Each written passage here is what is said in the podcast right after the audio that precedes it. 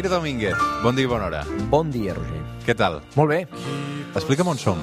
Doncs estem a Maquillatge 3 a, a TV3. Et sents com una estrella del rock aquí, una mica Elvis, quan et venen a maquillar o no? Home, és una cosa que agrada molt quan et maquillen, sobretot quan no t'has maquillat mai i, i tens gent pendent de tu, dels meus quatre cabells i de la, la barba, mm -hmm. i que maquillin el poc que queda de cara, no? Entre ulleres i, i, i, i front, ja és l'únic que es pot maquillar. Clar, hi ha coses que el maquillatge no pot tapar, no? no, exacte, exacte. Et preocupa perdre el cabell? Uh, no, no excessivament, perquè avui en dia tothom va rapat. Jo crec que és una cosa que ja hem assimilat els que tenim poc cabell, que és et rapes, o fas un viatge a Turquia, o tens cabell. Tens cabell, tu ets dels que té cabell, no t'has de patir per això. I la resta hem de hem d'assumir que sense cabell també es pot anar per la vida. I tu què faràs, un Guardiola o un Turquia? No, jo Turquia ho dubto, ho dubto perquè em faria cosa. Tinc un, tinc un petit mm, un, un orgull de tapar-se els defectes, em sembla com una, una cosa estranya, eh? Tot i que ja vaig, en el seu dia ja vaig anar amb melenes de kinky, que són les que podia tenir. Ara em faria molta angúnia anar i posar-me uns cabells falsos, encara que, que ho desitgés tenir un cabell frondós, tipus Gabriel Rufián. Val pasta, eh, això de Turquia. És car, és car, eh? Però, però cada cop menys, cada cop menys, o cada cop el, la gent que està al meu voltant és més rica, perquè veig a molta gent que no tenia cabell que ara de cop en té. Escolta'm, uh, tu deus tenir molta pasta, segons el Crònica Global, uh, mig milió d'euros, no?, que diuen que cobres de, de la Corpo. Sí, que fort! I hi havia com xifres insensates, no? I 1,6 milions d'euros de no sé on, mig milió de no sé què. Crònica Global va treure aquesta notícia meravellosa on formava que jo m'estava forrant i per desgràcia no és cert. Per desgràcia no és cert, no em faria res eh, dir-vos la veritat i aparèixer aquí amb un Lamborghini, que és el que faria si tingués pasta de veritat. Però sí que és veritat que passes moltes, moltes hores a la, a la carretera, no, Jair? Perquè, a veure, expliquem, tu on vius exactament? Jo visc al, al costat de Figueres, a Vilafant, que és un poblet, eh, on fa temps que hi visc, des de que vaig marxar de, de Barcelona. Segueixo allà i com que la feina és a Barcelona, pels que ens dediquem al món de la faràndula, ràdio, tele, doncs visc a l'AP7, anar fent, anar fent dibuixets uh, per la- per l'autopista. La, Quatre dies a la setmana, almenys. Quatre dies a la setmana, eh, per venir aquí a fer el programa s'ha de venir, podria venir a Mave, però té mala combinació amb Sant Joan d'Espí, per tant vaig i vinc amb cotxe, perquè m'agrada viure a l'Empordà i m'agrada treballar a Barcelona, per tant és una mica incompatible les dues coses, no? I s'ha de fer en el cotxe. Però déu nhi són 3 hores a la carretera quatre dies a la setmana, no? Pràcticament. Sí, sí, sí, sí. Eh, al final descobreixes que les distàncies són relatives. Al principi fa molt de pal i la gent diu ostres, ara t'has anat a Figueres? I dic, sí, però bueno, és una hora i mitja que et prens amb calma, escolta, em poso podcast del, del Carles Porta i, i tot és més eh, gestionable. Què, sí, escoltes ràdio, escoltes música, què fas? Sí, uh, escolto molta música, normalment va per èpoques, va per èpoques. A tots els discos, gràcies a Spotify i a les xarxes que tenim ara, uh, pots escoltar tots els discos que tenia de, de jove i havia d'escoltar a casa perquè no hi havia res més, hi havia Discmans, hi havia minidiscs i coses molt, molt, molt molestes de portar a sobre i ara al cotxe tens, ho tens tot a Spotify i pots escoltar-ho i llavors va, va per èpoques. Uh, hi ha èpoques que escolto discos, èpoques que escolto podcast, que és el que estic fent últimament. M'agrada molt els podcasts, trobo que és meravellós poder escoltar ràdio a l'hora que et doni la gana, que era una cosa que sempre havíem... Uh, no, no havíem tingut mai, no? La, que ens dedicàvem a la ràdio sabíem que allò era en directe, era, era aire el que fèiem, ho feies i s'acabava i no podies escoltar-ho mai, i, i després ja estava. I ara, per sort, ostres, El que passa és que amb el segrés eh, s'ha Sí. d'escoltar amb auriculars. Jo em va passar l'altre dia, esteu al llit abans d'anar a dormir totes les fosques, sol, i vaig fotre un bot Sí? De debò, no, perquè, és a dir, això del so binaural Ui, ui, ui, no, això. no, és un, no és una operació de màrqueting, és de debò. I quan estàs explicant uh, una cosa que passa dins d'un búnquer, en aquest cas dins d'un Sí. sòtan on van fotre la Maria Àngels Feliu, uh, és, és, uh, i no estàs preparat per allò, No. realment és impressionant. Eh? Ho, uh, efectivament, i ho has de fer i posar-te els cascos bons, i que per sort ara n'hi ha, n'hi ha molts de bons, mm. i, i fer-ho així. Has d'escoltar per atenció i al final acabes uh, bueno, fent tot això que tenies pendent, no? programes de ràdio i, i música. I'm fixing a hole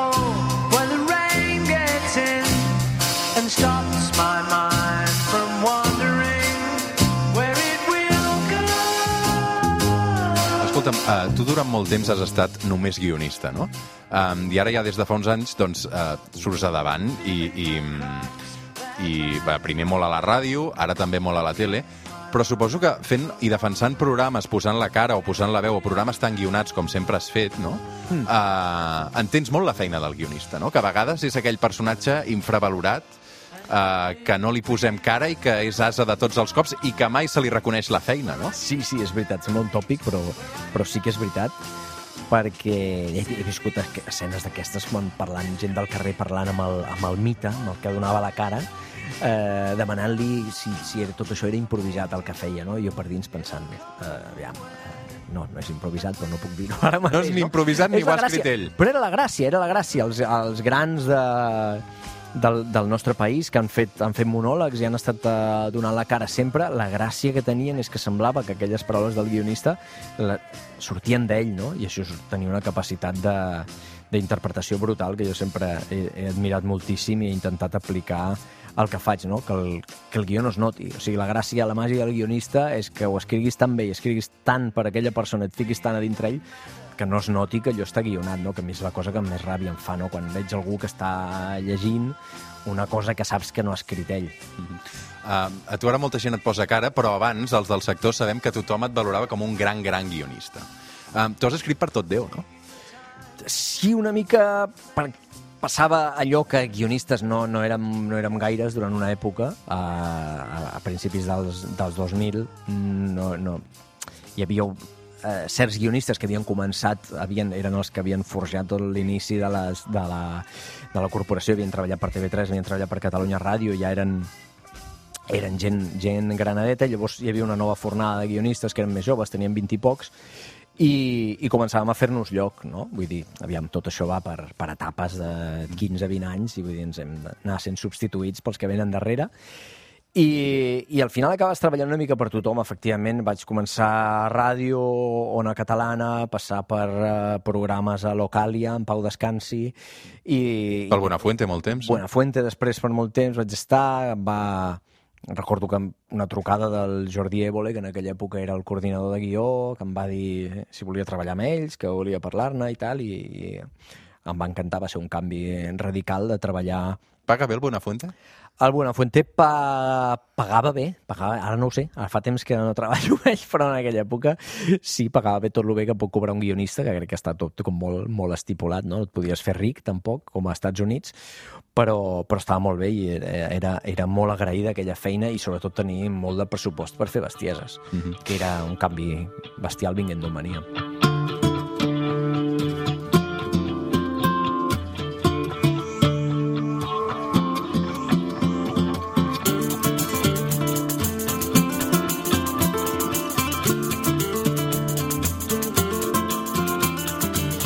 Som al Suplement, som a Catalunya Ràdio, que aquest sentiu és el, el Jair Domínguez. Ara tens 40 anys, no?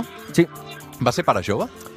Vaig ser pare jove, depèn, què vol dir jo? Vaig ser pare amb 30 anys, jo. 30 anys. Uh, pels, uh, pels estàndards actuals, no sé si això és jove, però jo sabia que uh, anar més enllà em, ja em feia mal l'esquena només de pensar-hi. O sigui, volgudament als 30 anys. Volgudament als 30, perquè als 30 em sentia jove i fort, i vaig dir, eh, és un bon moment més enllà, no sé si seré jove i fort. I quants en tens?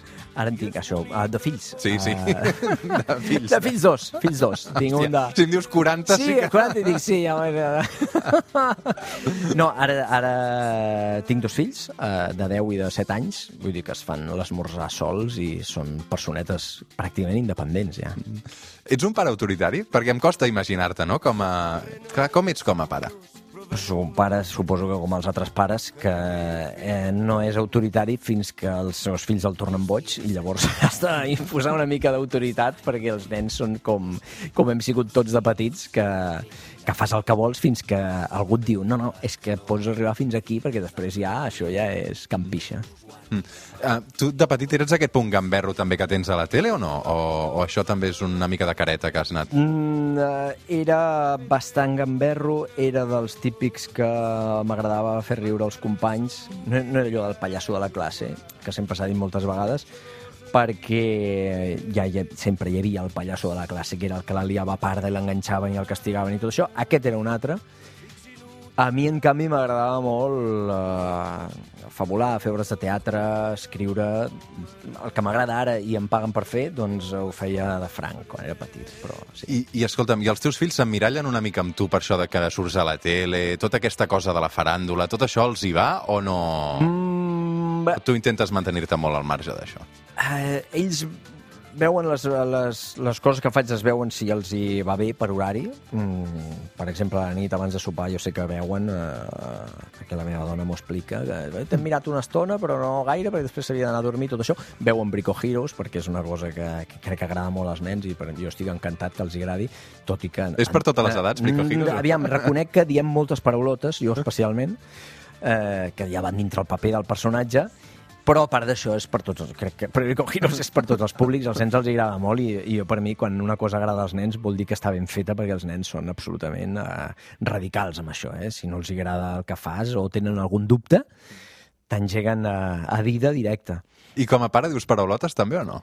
De tant en tant sí, de tant en tant sí. També tinc la teoria que si tu dius moltes paraulotes com a pare, els fills tenen una tendència a fer el contrari del que fan els pares. Ah. Llavors veuen que jo sóc un pallasso a la tele, veuen que dic moltes paraulotes o que, o, o, que fumo i voldran fer el contrari.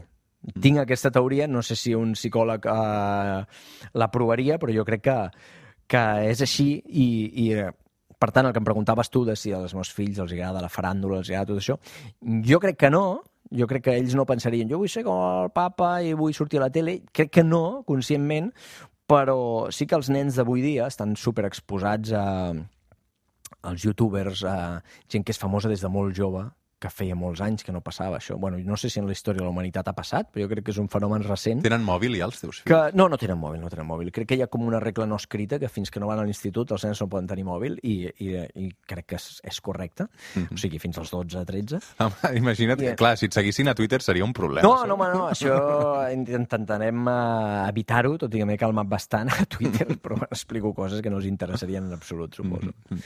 Són vegans, els teus fills? No, no, no, va. Tu vas ser Déu me'n vegà, no? Jo vaig ser-ho, vaig ser-ho molts anys. Vaig ser-ho del 99 al 2005, vaig ser vegà, eh, ho vaig deixar per incompatibilitat eh, vital, però em va servir per, per, bueno, per eh, descobrir que el veganisme doncs, et fa que et trobis millor. Mm -hmm. Això és absolutament cert. Puc donar fe que les digestions són... Eh, i la vida i el teu estat és millor tot i que en aquella època era molt, molt complicat, molt complicat eh, ser vegà, molt car, eh, difícil, miraven amb cares molt estranyes a principis del 2000 quan deies que no menjaves Era una carn. qüestió de militància, no? Sí, sí, era militància pura, més era com eh, defensor dels, anima dels animals i de PETA i de anem a salvar els micos de Camarles, bueno, era tot com... Era una època de la qual tinc records eh, boirosos. Puc preguntar-te si estàs casat? Sí, sí, estic casat. Estic casat, no per l'Església, però, però estic jo al registre civil, figuro com a persona Casat. persona casada. Bàsicament perquè vas escriure un llibre que es deia Jesucrist era marica. Vull dir que feia Sí. de mal explicar, explicar-li al capellà, no?, que... que... Sí, amb això vaig tenir alguns problemes a Andorra quan vaig anar a presentar el llibre. Eh, no va agradar gaire al, al copríncep, ni al, ni al bisbe, ni a, ni res. Però, però no tinc cap problema amb la amb, amb religiós, era una cosa de... Provocador. Era una cosa de provocar perquè, bueno, en fi, coses de la vida. Es pot provocar de moltes maneres, no? A tu t'agrada provocar. A mi m'agrada provocar perquè penso que a vegades és l'única manera de, de captar l'atenció de, del, de l'espectador, de l'oient o, o, o del que sigui, no? Eh, com que hi ha una correcció política tan bèstia i estem tots tan eh, agafats pels, pels collons en, en molts sentits, no? Això no es pot dir, això no es pot dir, això no es pot dir, això no es pot fer, que hi ha vegades que mm, ha d'aparèixer aquesta figura i, i provocar, figura com figura retòrica, vull dir, no? De, la, la provocació, dir una bestiesa molt gran perquè de cop diguin, ostres, què diu, què diu aquest tio, no? Quina, quina passada. Això a, a, passava molt amb, amb Rubianes, eh, Leo Bassi, grans humoristes, grans artistes que hem tingut aquí, que tenien un punt d'una provocació salvatge, d'un estirabot brutal, que et cridava molt l'atenció i després l'escoltaves i deies, quanta raó té, que, que, és, que és això que està dient, li compro el discurs, no? Passava, passava molt, eh, és un recurs dels, del pallasso de, de tota la vida de la, de la comèdia, no? Eh, i, I el faig servir de, el faig servir de tant en tant. I aquí diu que ets un ultra. Ah, sí, Sí, van dir que és un ultra què?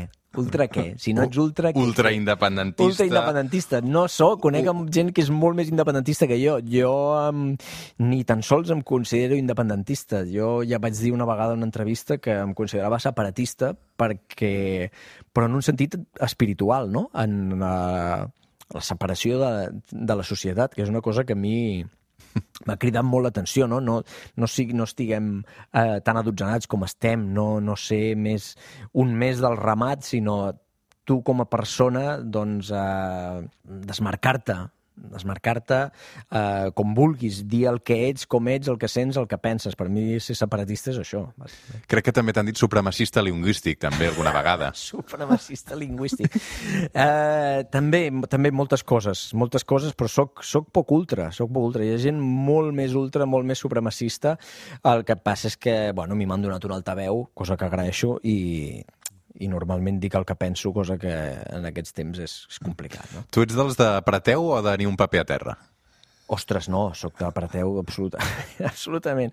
Ni un paper a terra em posa molt nerviós.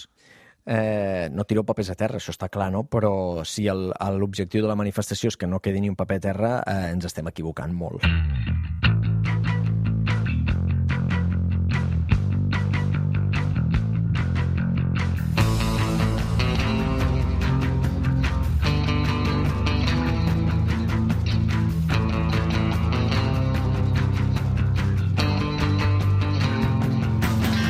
Jair Domínguez, eh, potser el veieu a través de les xarxes perquè també fem vídeos, eh, tot i que fem ràdio, que ara això també... Vosaltres, tu al búnquer, també tot el dia esteu allò gravat, tu. Sí.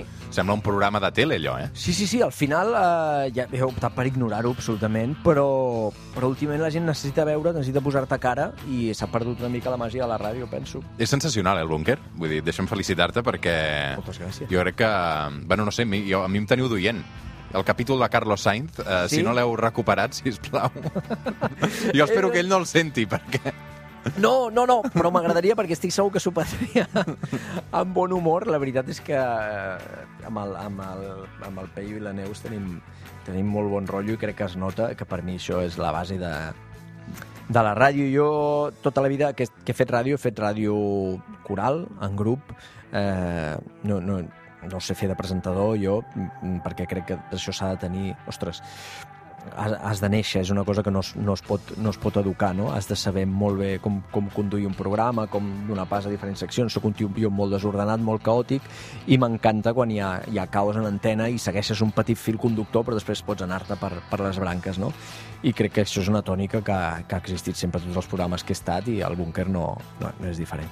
Volia explicar que el Zair no el veieu segurament molts de vosaltres, però porta una dessuadora que posa metàl·lica, eh? Però clar, m'havien dit que, que ets molt fan també de Bach, no? Sí, bueno, a mi m'agrada... La música, és que vull parlar de música amb tu. A mi m'agrada, a mi m'agrada la música. Parlem de música, m'encanta la música, eh, m'agrada tot tipus de música. Eh, soc molt dels Beatles, molt d'Elvis, molt de Bach, eh, de tot. He escoltat molta música al llarg de la vida, per sort. Eh, els meus pares mm, em van posar música de ben petit, teníem una col·lecció de vinils espectacular a casa, i casa, a casa sempre sona música. A què es dedicaven eh, els teus pares?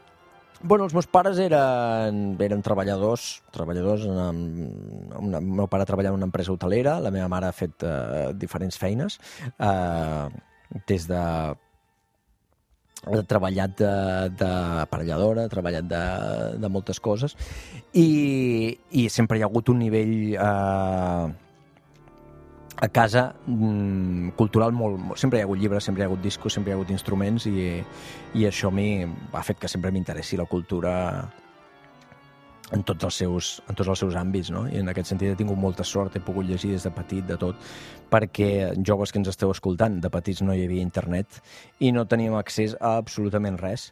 La pornografia I... es veia amb, amb, amb, sí, sí, al Canal Plus, eh? Allò, haver d'imaginar. Efectivament, no? havies de, la imaginació, havies de, uh, bueno, de, de codificar tu mateix. El, la teva adolescència va ser fotuda. Jo ho vaig tenir una mica més fàcil, perquè ja hi havia una obertura allà, però... Sí, no, no, no, no la meva era... Bueno, jo, jo vaig passar una adolescència a, a poble, que m'ho vaig passar molt bé entre, entre el poble on vivien els meus pares i a, i a Figueres, que era, hi havia més moviment que ara. I m'ho vaig passar molt bé. Vaig, no, no, no vaig trobar a faltar internet ni ordinadors en cap moment. Parlàvem de, de música eh, i tens diversos projectes, no? Ha això de caritat humana. Senyoria, condemni aquest noi Va vestit com un radical Condemni el ja se'n penedirà Aquest boig és un perill nacional que és droga dura, no? Sí, sí, sí, sí, sí. Estic uh, sempre mogudes d'aquestes perquè si hi ha una cosa... Sempre el tema de, de grups des de... Vaig muntar el primer grup amb els meus companys quan teníem 15 anys uh, a l'institut uh, fins ara. Hem fet de tot, no? I, i bueno, els projectes en els que estic uh, emmerdat amb Caritat Humana, on fem una mica de rock de tota la vida, o Gitano i Cabra amb el, amb el Guillemino. Guillemino, no? Eh, que és un projecte que tenim que fem des del confinament eh, passat, on fem cançons a distància de manera telemàtica. Vull dir, no ens podem veure i anem, i anem i fem una mica de conya amb tot aquest tema del trap i d'aquesta de, música que escolten els jovens. Un, dos, presidents, el trullo.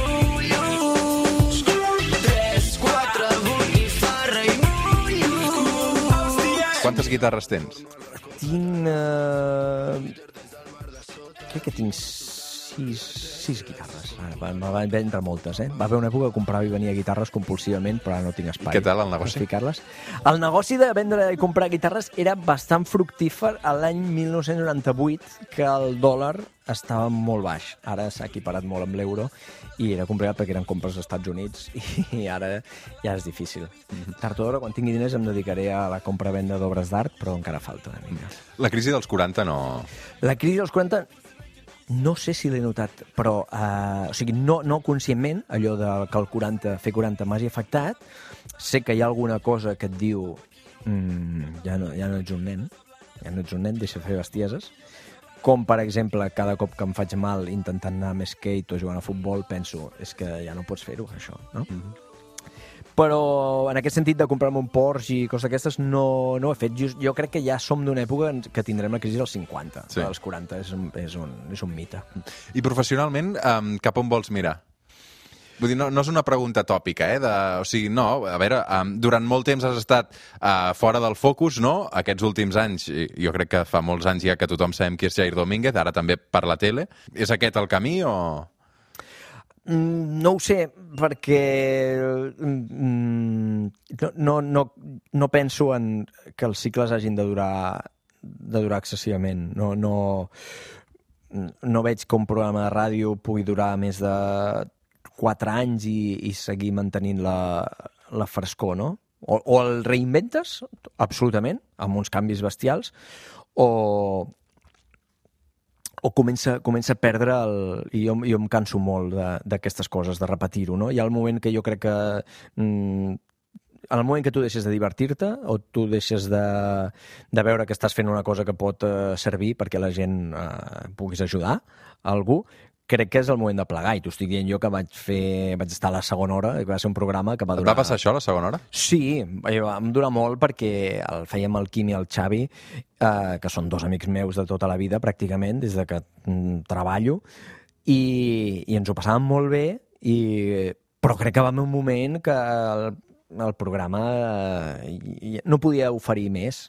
Des del meu punt de vista, des de, des de fora potser es veia Però ells van manera. continuar, no?, encara unes quantes temporades. Sí, ells encara van seguir i el programa va seguir tinguent el, el, el mateix èxit que tenia, però jo des del meu punt de vista jo no podia oferir res més al, al programa, res que no fos una repetició i a mi això em crema moltíssim abans de que això afecti el programa m'estimo més plegar i, i crec que això em passarà tota la vida, uh, fer una cosa i quan vegi que, el, que, el, que ha acabat la seva vida útil mm, has, de, has de plegar, has de plegar. I això, si tothom ho apliqués als camps de la vida, doncs seria, seria més, uh, més divertit tot. Amb l'amor també passa això? Uh, és, és, jo crec que això és, és, és diferent. És diferent perquè amb, amb, amb l'amor és una cosa que és de... mm, No és una cosa que fas pel gran públic, que no sé què et dediquis a, a exposar-ho, però és una cosa per tu, és una cosa personal. Eh, el que passa que la ràdio i la tele, el món de la faràndula, tu estàs entregant-te a- al públic. Encara que no ho facis conscientment, tu estàs oferint una cosa a, a la resta del món i, i, i això ho has, de, ho has de saber. Ho has de saber. No estàs fent una cosa per tu, el teu, no estàs fent res pel teu benefici. Tu d'acord que com a actor, com a presentador, com a tal, eh, et sents realitzat, però has de pensar en que estàs fent una cosa que ha, ha d'agradar i això, i això tu t'ha de pressionar. Ets un paio convencional en l'amor o no, amb la parella? Jo crec que li hauries de preguntar a la meva parella, però No, t'ho pregunto que... tu.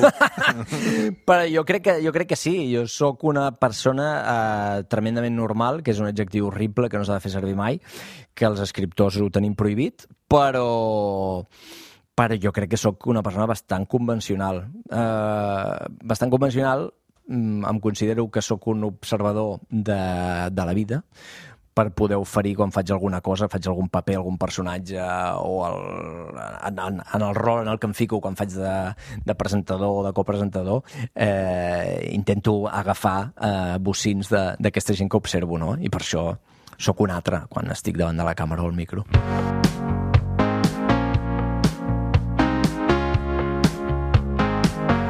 Jair Domínguez, m'agrada molt xerrar una estona amb tu. El mateix dic?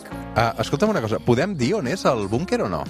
No es pot dir. Es No es pot dir Es encara. pot dir que està a Osona, però... No es pot dir que és casa del Peio. No es pot dir que és casa del Peyu perquè, perquè no és casa del Peyu. D'acord. O sigui que està. Però no ho sap ningú, no ho sap ningú. D'acord, eh? doncs no ho diem. Uh, Jair, una abraçada. Moltes gràcies, igualment.